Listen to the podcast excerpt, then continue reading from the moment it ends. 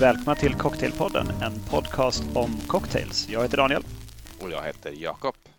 Vad är det vi ska prata om idag egentligen, Jakob? Vi, vi pratade lite kort om det innan vi tryckte på räck nu. Men du kanske kan förklara mm. exakt hur vi har tänkt här? ja, eh, vi har inte hunnit tänka så mycket. Du, vi skulle ju spela in ett avsnitt med ett helt annat ämne och eh, sen så typ igår eller om det möjligtvis var i förrgår så kom du på att nej men vi, vi, vi sätter rubriken cocktails i kolerans tid istället. Jag tyckte, ja det gör vi och, och så passande eftersom vi ju lever i kolerans tid bildligt talat, det är ju coronaviruset som lamslår hela samhället medan vi spelar in. Vi kan liksom i realtid följa hur eh, gränser stängs, eh, affärsverksamheter läggs ner och eh, börsen sätter nya minusrekord för varje dag. Så i alla fall nu när vi spelar in. Vi spelar in på lördagen eh, i vecka 11. Men när vi lägger upp det här i vecka 12 så kanske allting redan har ordnat sig. Och allting är tillbaka till det normala och och eh, folk har slutat skriva tokigheter på nätet. Om så, se detta som ett vittnesmål inifrån. ja, fy. Ja, nej, så att förutom att det är en lustig, eh, lustig titel. Eh, drickande i katastroftider är ju någonting som ändå, ändå förekommer i, alltså i, i tider av, av sjukdom, eh, samhällsomvälvning och, och krig och liknande. Så mm. eh, är det ju inte omöjligt att några tal, tar till flaskan medan några ber och eh, några skrattar och, och några, några sjunger. Liksom.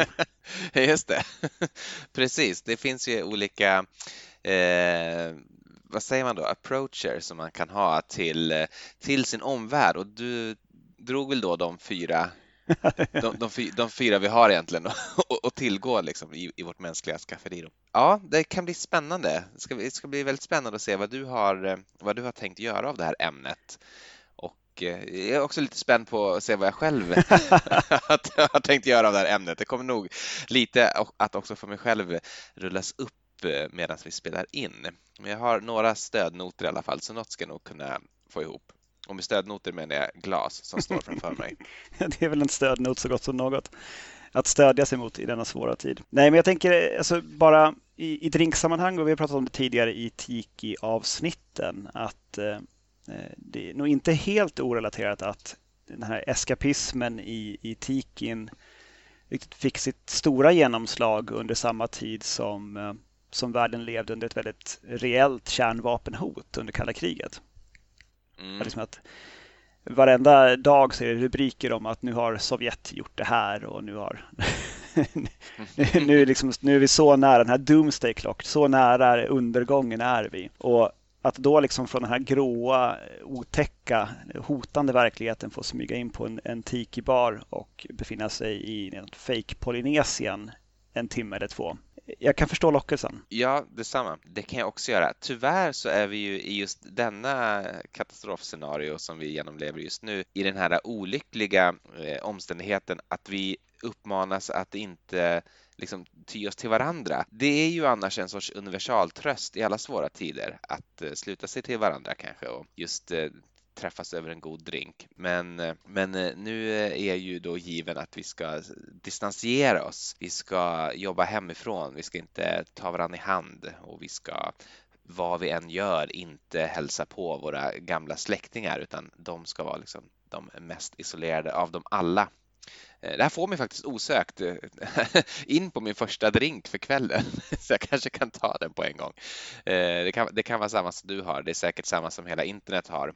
Det började som en Reddit-post med ett roligt namn, eh, The Quarantini. ja, jag såg den också. Jag har inte gjort den, men jag såg den. Eh, och e-, enligt Reddit då, den här som startade posten, så en quarantini är en martini som man dricker eh, hemma och eh, ensam. och eh, det, det, var ju ganska roligt. Sen så följer en lång, lång, lång diskussion om vad är egentligen en quarantini? och eh, jag har inte läst den i sin helhet, men eh, jag förstår ändå som att många tycker att det ska in lite C-vitamin i en quarantini därför att det handlar väl ändå om att kurera sig. Och jag tycker att det här eh, är rimligt. Det är en rimlig, rimlig take på det eftersom en av liksom historiens stora frivilliga karantänprojekt är ju de här tidiga liksom, oceanfararna de som tog sig runt i världen innan man visste hur världen såg ut eller hur stor den var. Och då kanske man var eh, 60-70 män på ett skepp, en väldigt liten yta och i någon sorts ändå karantän, eh, åtminstone i total isolering från resten av världen under en ganska långa sjok i taget. Man kunde ju vara liksom utan att gå på land flera månader i taget på den här tiden. Pratar 1600-1700-tal i alla fall. Jag vet inte, 1800-talet vart man väl möjligen lite, lite eh, snabbare, åtminstone andra halvan av den när industriella revolutionen kom igång. Men då var det ju viktigt att få i sig C-vitamin. Vi har ju tidigare pratat i viss längd tror jag om eh, grogg och eh, olika sådana skeppsromdrycker. Så jag ska inte prata om dem då. Men i min quarantini så är det i alla fall lite citron. Det var det jag tänkte komma till. Jag, jag, jag hyllar det här arvet av, av drinkar i karantän och samtidigt eh, det klassiska tricket för att hålla sig frisk i största allmänhet genom att addera lite C-vitamin till min.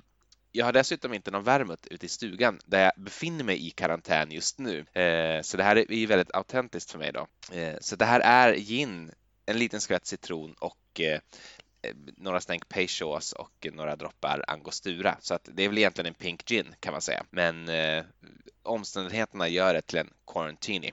Jag har också garnerat det med en hel jäkla citronskiva som ligger och flyter i glaset. Mm. Det, pink, pink gin var ju en av mina tidiga tidiga kärlekar. Du, du minns säkert att vi hade en kontrovers på en holländsk restaurang kring den här drinken. ja, jag tror att du blev utskälld. Ja, jo. Någonting om att det där är väl ingen, det där är ingen erkänd drink. Jo, men det är det Den är både Nej. gammal och, eh, och väl, eh, väl belagd i litteraturen. Um, jag har också jag har provat den på den gin som de säger att man ska göra den på, nämligen Plymouth. Uh, då, mm. De menar jag uh, Dr. Cocktail i eh, Vintage Spirits and Forgotten Cocktails. Eh, och det var ju rätt, rätt gott faktiskt. Mm, det, är, det är en ganska god drink. Det låter inte så mycket för världen, men den har ändå något. Jag kan säga förresten som en liten eh, bonus då till dig och lyssnarna att jag har ingen, vi har ingen is här ute. Däremot så har vi ganska stora områden av kyla så att vi har låtit flaskorna stå kallt så de har varit nära nollgradiga, dock inte under. Och sen så har de bara fått liksom blandat sig utan is då. Och jag har heller inte gjort det välbeprövade tricket att eh, addera lite vatten i någon av mina drinkar. Så att eh, det är... det är starkt. Det är desinficerande. det är Mm, precis, för vi har heller inte riktigt så gott om vatten kan jag säga. Eh, vattnet är inte påslaget än här ute utan det sätts på någon gång kanske om en månad tidigast. Så vi måste ransonera med det och då tyckte vi inte att... Väl, väldigt hård ransonering när du inte kan skvätta i liksom en centiliter vatten i en drink du gör.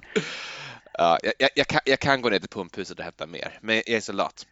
Ja, det är oerhört stockholmskt av dig att, eh, att fly storstan liksom i kristider och ut på, på landet. Landet som ni mm. stockholmare förstås i all annan tid hånar med varandra andetag ni tar. Ja, ja, ja. ja.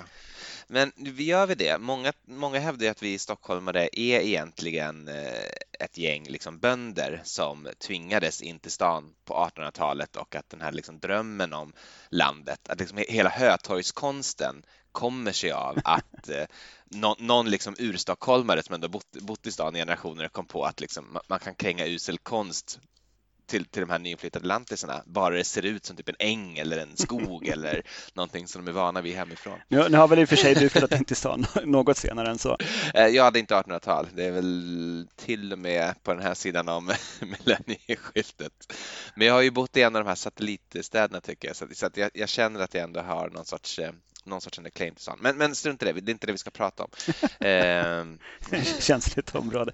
Men jag gillar att du har satt dig i en situation som, eh, som också ger lite så problematik kan man säga.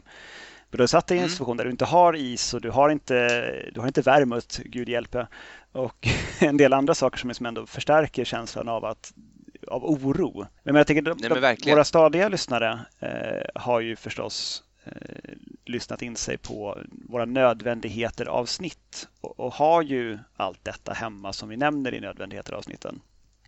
Mm.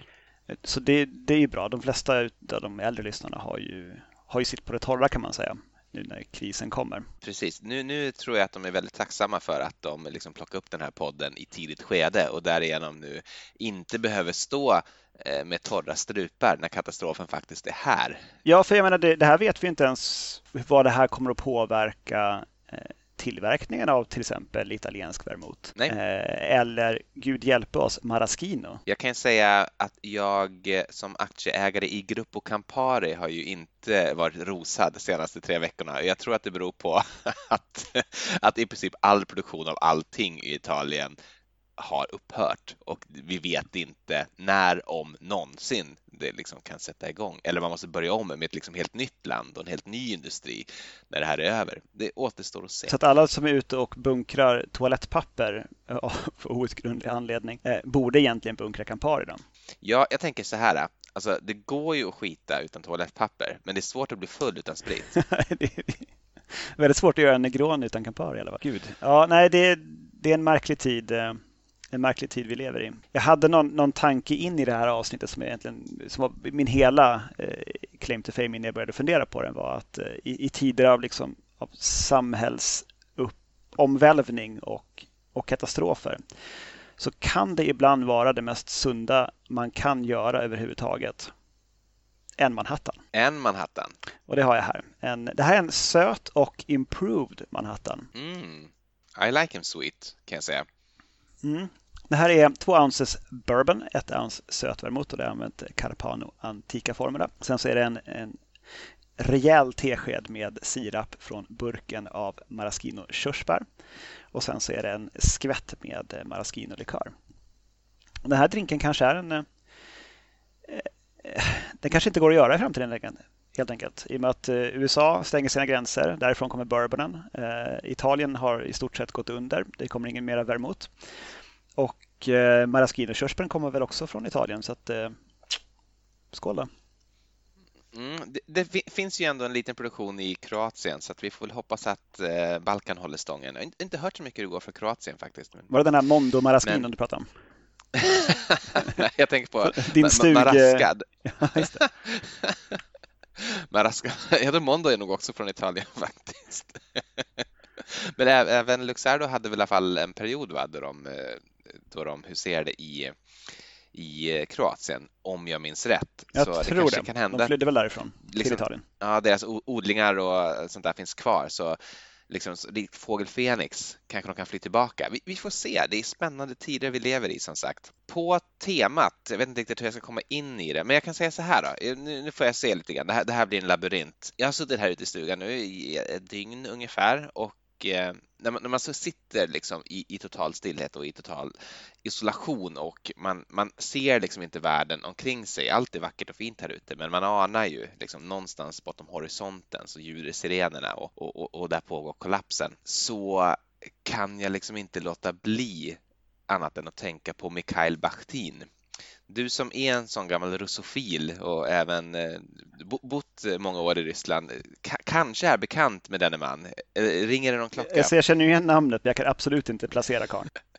Eh, han, han var då någon sorts sovjetisk litteraturvetare, hade väl egentligen sin storhetstid ganska sent, tror jag, möjligen till och med efter sin död och framförallt i väst.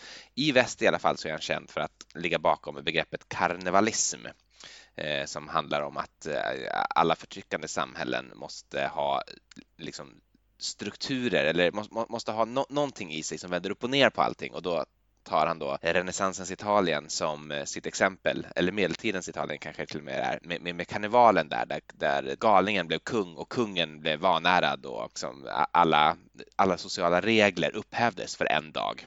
Som en sorts liksom vatten, eller vad heter det, sån mm, ång, mm. liksom, pipe dream. Det som man i nutida versioner gestaltar som The Purge-filmerna. Ungefär, fast, fast mycket gladare då.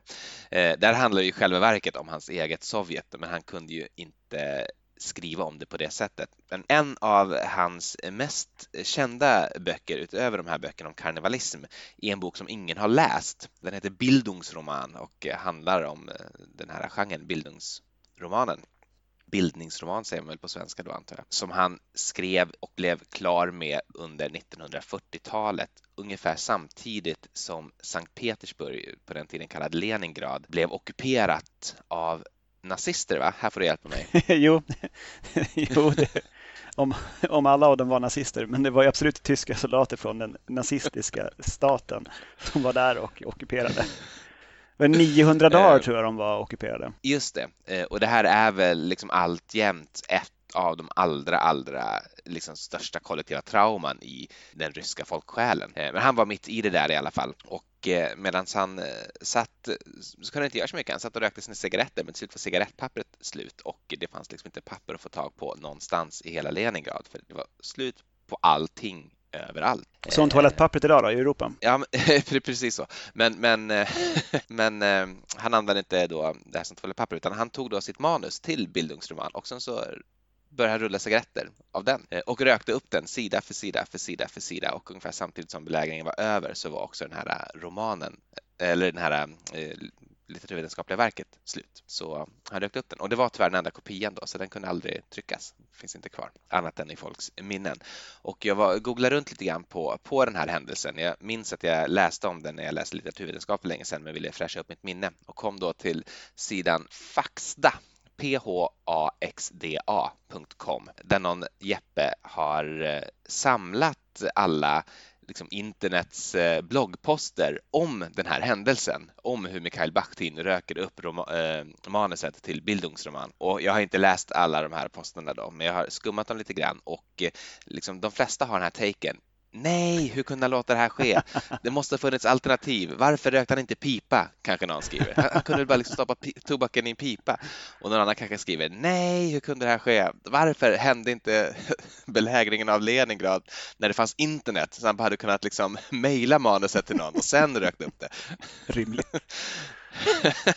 och så vidare. Men jag tror att alla de här människorna, de har liksom inte förstått de har inte förstått vad det var som försiggick där, vad det var som pågick. Vad är det som driver en man till att röka upp liksom sitt verk? Det är ju den här känslan att allt är förlorat, tror jag. Och att liksom acceptera det. För varje cigarett så är jag liksom ett steg närmare acceptansen att det finns ingenting kvar. Allt är kört, allt är förstört och i det tror jag att det kan finnas en befrielse och nästan liksom en glädje och en eufori att bara resignera inför ödet.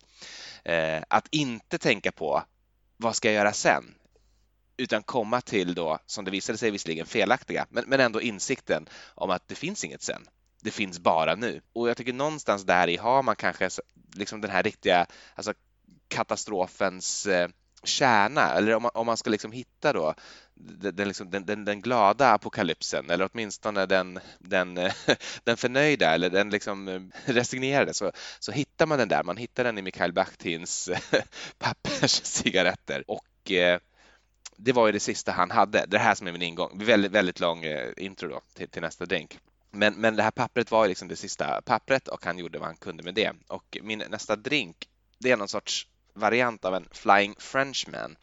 Vi pratade om Flying Frenchman tidigare. Det är en, eh, en eh, espresso martini där man har absint istället för, istället för vodka. Och jag sa att det här är en variant av den. Det är inte en Flying Frenchman utan det här är en sorts då, vi kan kalla den för en en Bactini. Och eh, den, den, gör man då genom att ta den absolut sista skvätten kaffe, blanda med det absolut sista sockret du har och häll där i också liksom precis det, det, sista i flaskan som du har kvar av din, av din eh, absint. Och sen en god skvätt bourbon, skaka och njut. Så det har vi i ett sånt här eh, lite stort kopglas. Ah, det är så nu. Jag förstår honom. Jag förstår honom så väl när jag dricker den här. Det är liksom det sista. Och någon kanske skulle säga, men kunde du inte, kunde du inte liksom, varför kunde du inte gå och köpa mer kaffe? Nej, men det är inte det det handlar om. det, handlar om att acceptera att det här är de sista resurserna vi har och nu jäklar ska jag njuta dem på det bästa sätt jag kan. Mm. Delikat. Men eh, jag känner väl kanske lite grann samma, någon slags, jag vet inte vad, ett behagligt vemod kring att eh, nu har jag visserligen både mera bourbon och en skvätt mera av eh, Carpano Antica vermouth, men, men inte mycket. Och jag vet inte, om man ska lägga liksom sina resurser på mera sprit i dagsläget eller inte. Eh, Systembolaget har ju hemkörning för de som eh, sitter i självvald karantän eller bara inte vill gå ut i butiken. Så det, jag vet inte hur länge till de kommer fortsätta med det, men det finns i alla fall ett system för det i de flesta orter i Sverige att man kan beställa. Så man kan lyssna på nödvändigheter avsnitten och eh, göra en liten kortlista och sen så göra en, en rejäl beställning på Systembolaget och plocka hem. Och så kan man börja, för det är gärna, temat för den här podden är ju att göra cocktails hemma och det är fantastiskt att kunna gå ut och dricka cocktails på lokal och det tycker jag också så länge som det finns ställen som är öppna att man ska göra. Tvätta händerna, håll lite avstånd, eh, sunt förnuft, men gå ut, spendera pengar på din lokala, din lokala bar och se till så att, så att man kan fortsätta ha folk anställda och driva verksamheten. Jag fick just rådet att man eh, kan eh, köpa presentkort åt sina nära och kära till de ställen man tycker om nu i dessa tider och så kan man ju använda dem bara sen när när det är okej att gå dit. Men, men liksom på så sätt hålla dem flytande. Ja, det är sant, då får de in lite pengar. Men ja, nej, det är, alltså, om, man, om man inte kan, vill eller vågar så eh, kan man göra cocktails hemma och eh, då, då har vi lagt upp en, en del recept genom åren som man kan roa sig med. eh, om man sitter lite trångt till som du gör eh, med eh, utan is och sånt så är det förstås eh, ett avsnitt som heter Skaffa som man ska vända sig till eh, och sen se vad mm. man har för dammiga flaskor i sin sommarstugas eller fjällstugas eller var man nu har gömt sig någonstans tills det otäcka drar förbi och se vad som finns där. Och jag har gjort en, en skaffa som jag inte har döpt till någonting särskilt Eh, men som är gjord på ett ounce rum barbancourt, uttalar jag säkert fel, men det är en, en åttaårig eh, haitisk rom. Tre fjärdedels ounce torr curacao och ett stänk pimento dram, kryddpepparlikör, byggglas utan mm. is. Låter jättegott. Mm. Jag känner oron stillas på en gång. Och, eh, men just att kunna göra drinkar utan is och att och känna sig bekväm med det det. Det är en styrka i de här tiderna. Det är det eh, verkligen. Eh, jag har också en skaffa. Nu liksom bet jag av mina lite snabbt här så att man vill inte att avsnittet ska ta slut på en gång men det känns som att jag kommer inte få en naturligare ingång till, den, till den. För jag, jag, jag har också tänkt då såklart att har man ingen is så får man göra en skaffa. Och du har nämnt det flera gånger tidigare i podden att skaffa har verkligen varit tror jag, vår stora upptäckt under den här resan som det har varit att göra Cocktailpodden att eh, det är mycket liksom, enskilda typer av sprit som man hittat. Liksom. Men det här är en hel genre av cocktail som för mig var okänd och som jag kände en stor skepsis till till en början, men verkligen har låtit mig vinnas, vinnas över. Jag har en skaffa här som jag kallar för Doktor Skaffa och Då förstår du säkert eh, kopplingen till, till dagens ämne. Den heter Dr. Skaffa genom att den har Fernet i sig. Fernet som ju för övrigt tillverkas på två ställen i världen. Det är väl Italien och Argentina, så att should be fine on the Fernet. så länge... ett tag till, så länge Sydamerika håller sig. Ja, precis. Och visst är det så att, eh, att man kallar Dr. Fernet är någon sorts eh, liksom, marknadsföringsploj va, som Fernet kom på som, som går ut i princip på att en svensk doktor vid namn Dr. Fernet har kommit på receptet på Fernet. Och, och han blev också väldigt gammal, tror jag. Ja, han var väldigt gammal. Han var 106 eller något sånt där. Och det var ju då på grund av den här Fernetten som han drack. Eh, det är lite oklart. Vi hörde ju också i Eva Gardner-avsnittet att man kan bli spikans nykter av ett rejält dricksglas med Fernet, så att eh, det kanske är mer magiskt än man tror. Just det det, det, kan mycket väl vara det. Men i en Dr. Fernet då, är det i alla fall 4 centiliter bourbon, 2 centiliter maraschino-likör, allra helst av märket Luxardo som jag faktiskt har ute i stugan nu. Så det, det är inte bara Mondo längre. Eh, och sen en eh, liten centiliter av Fernet då, for health. Just det. Så skål! Det låter ju fantastiskt. Mm. Det är, det är faktiskt, eh, ja men det är en succé igen. Och det här är ju på något sätt, det här är ju Skaffans eh, Fanciulli. Fanciulli har vi pratat om ett par gånger i podden tidigare, som i princip är en Manhattan med lite Fernet i. Möjligen, jag säger möjligen, eh, från ett tidigare datum än en faktisk Manhattan. Men eh, men, men, om man ska liksom beskriva vad det är så, så är det ju en, en Manhattan med Fernet. En skaffa med Fernet ja, jag känner också liksom hur, hur, livet rinner åter i mig och hur optimismen kommer tillbaka. Helt plötsligt så är det liksom inte doom and gloom längre utan fan det här klarar vi. Bara vi liksom får sitta tätt isär och, och, och liksom dricka drinkar med varandra över Skype i typ sex månader, då är vi, då är vi igenom det här. då, då, går vi segrande ur den här striden med viruset. Alltså i vårt fall så är det ju det vår normala vardag ändå. Så att... Ja, det är sant. Så det är ingen det är, ingen...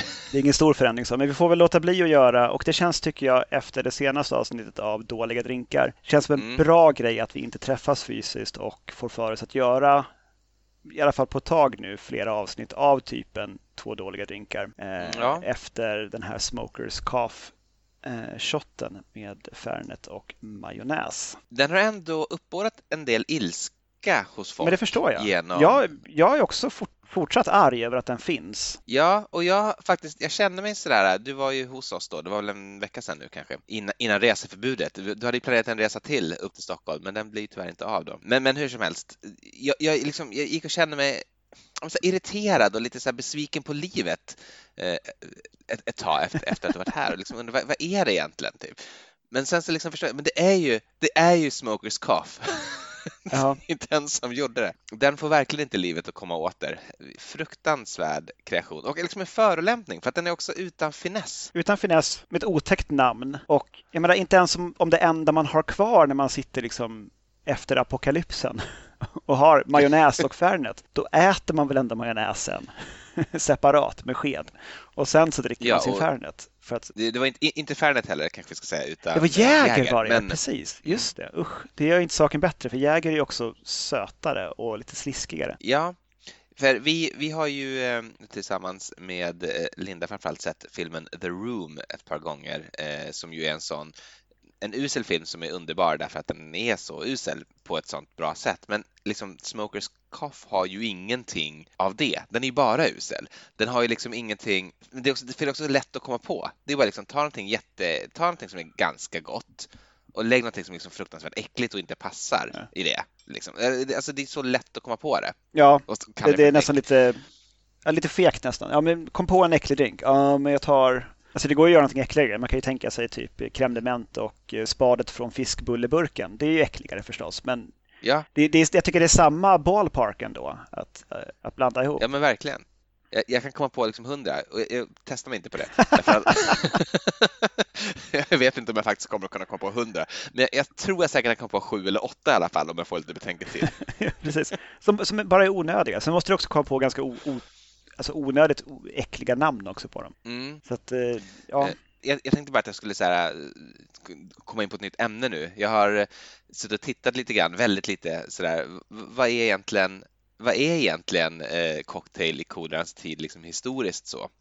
Eh, det vill säga, hur har man använt alkohol som medicin? Men det har ju vi pratat en del om redan. När vi, I värmutavsnittet till exempel så går vi igenom i ändå ganska stor detalj tycker jag, liksom kryddat vin och hur man har använt det som medicin genom åren. Många av de likörerna som vi har pratat speciellt om, chartreuse till exempel, men också eh, många Amari och gissar jag även Jägermeister har väl startat som någon sorts liksom, medicin som sen har blivit eh, eh, re- rekreationell dryck. Liksom, tror jag, i viss mån, alltså bara destillerat alkohol i största allmänhet.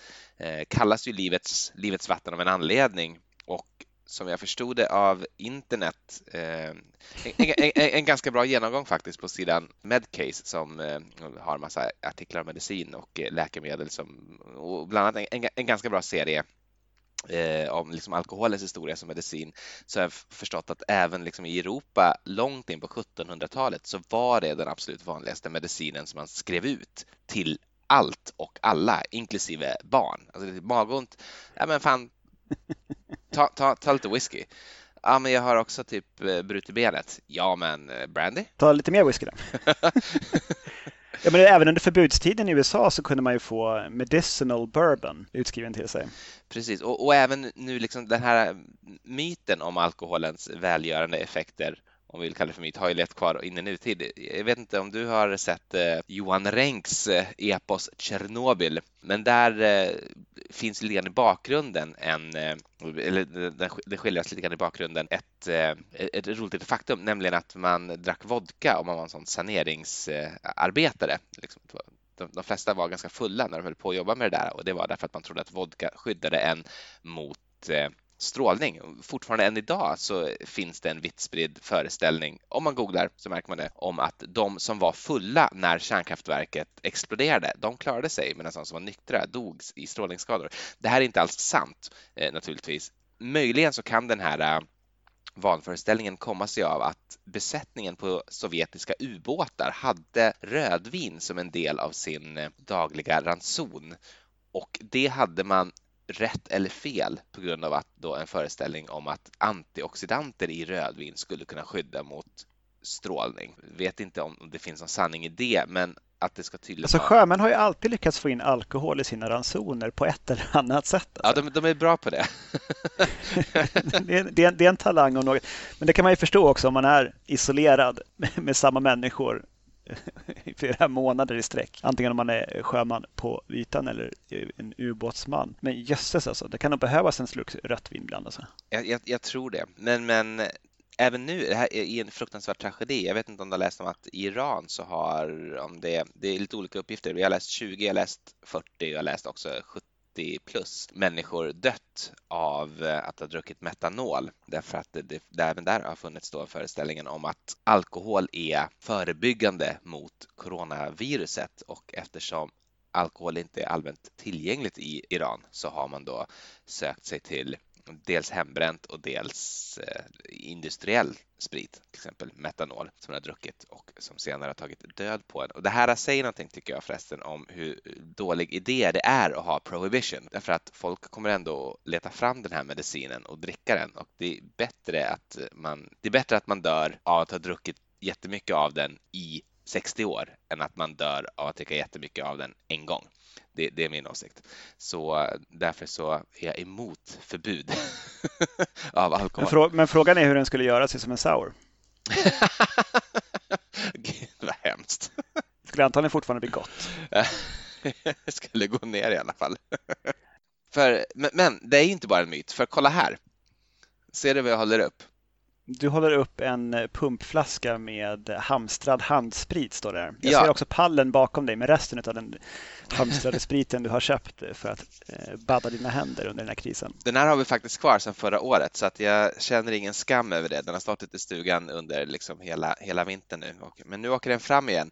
Men handsprit är ju, det är ju på riktigt medicin som funkar. Eh, eller liksom alkohol i medicin som funkar.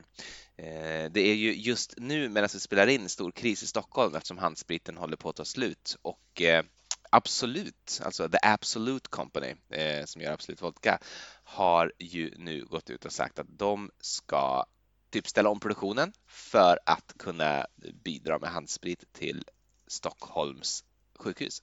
Så det är ju väldigt bra. Tack för det, absolut. Absolut, verkligen. um, Ray Nephew är väl över 60 procent? Uh, ja, och även uh, den här uh, Plantation of Tree, precis, som nu finns på Systembolaget.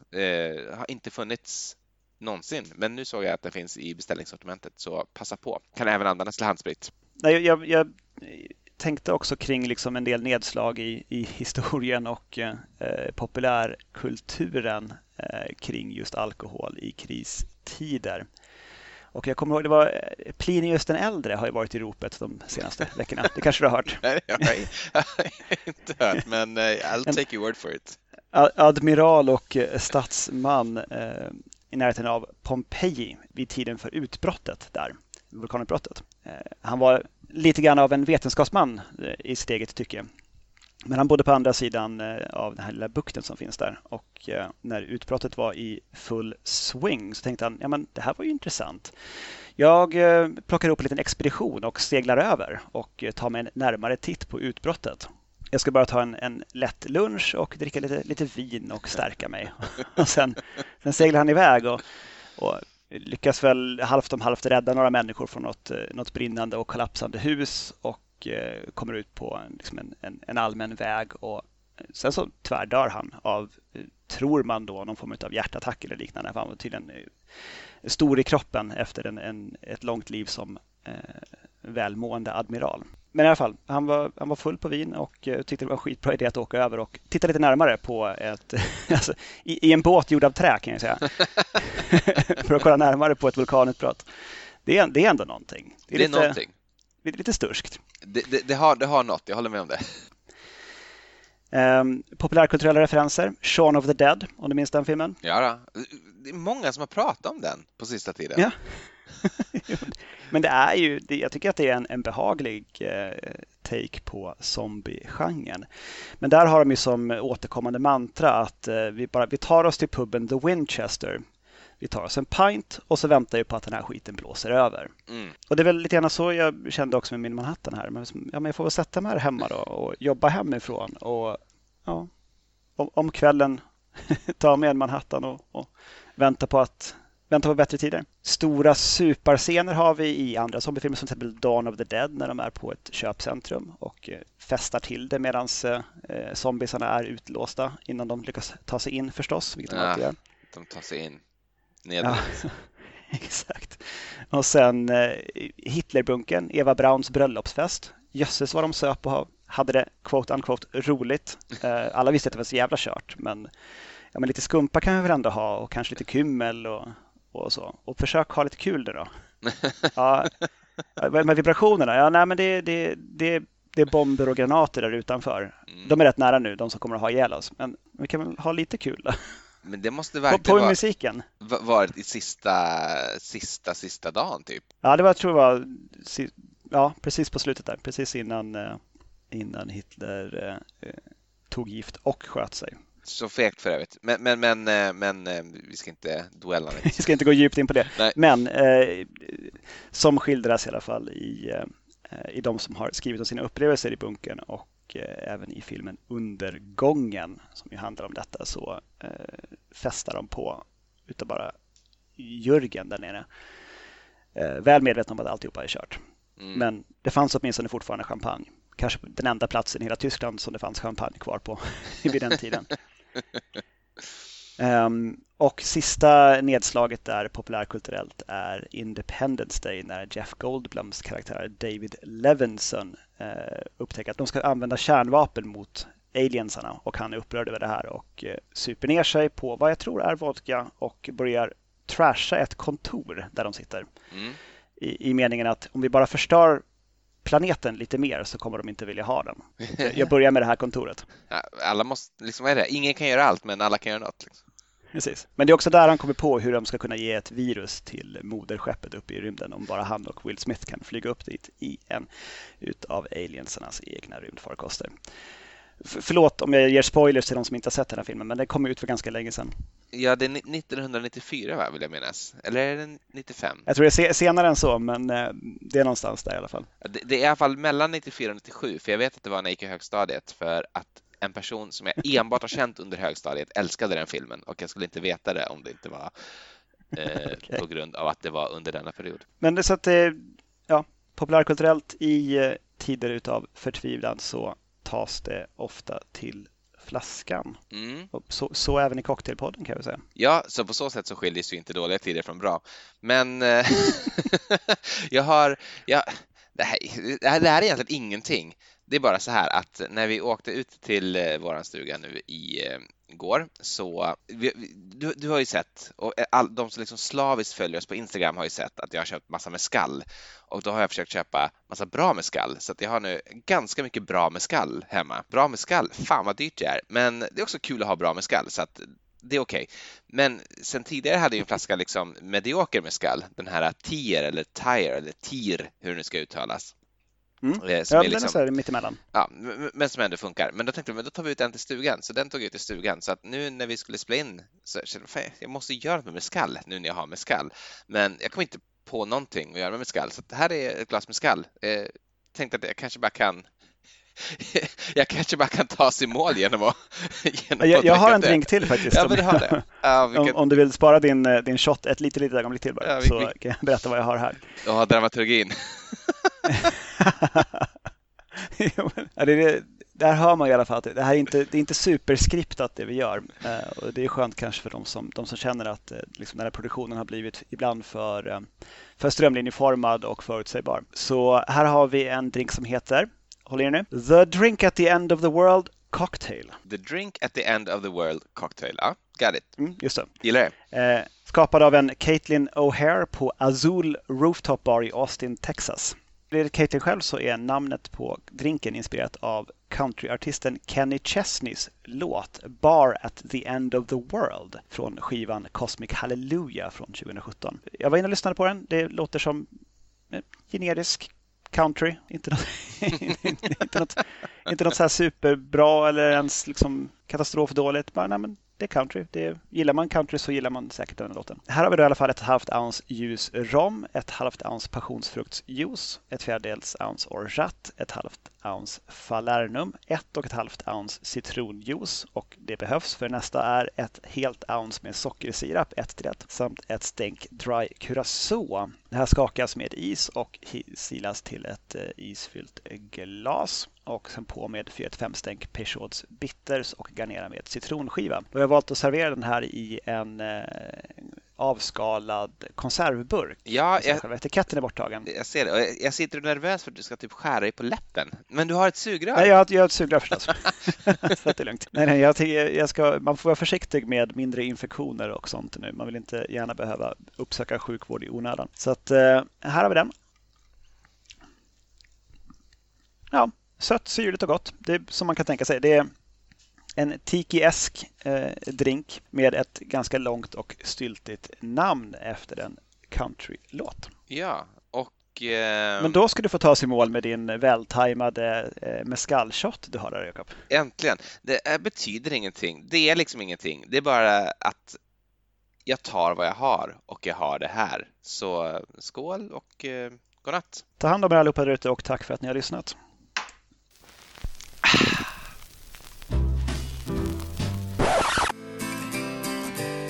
When comets falling from the sky, everyone is gonna die. Hell awaits in the afterlife, except for some it's paradise. And they go la la la la la la la, la la la la la la la, la la la la la, la la la la la.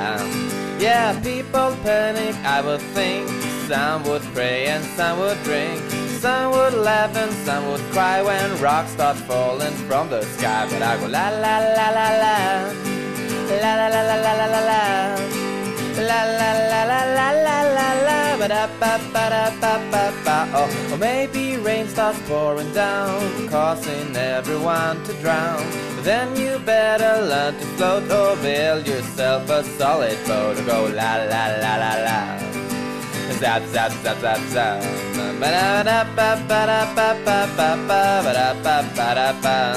All the water's gonna clean our ball. There'll be no dirt left here at all. A heavy shower is that rain when it flushes sinners down the drain, and they'll go go la la la.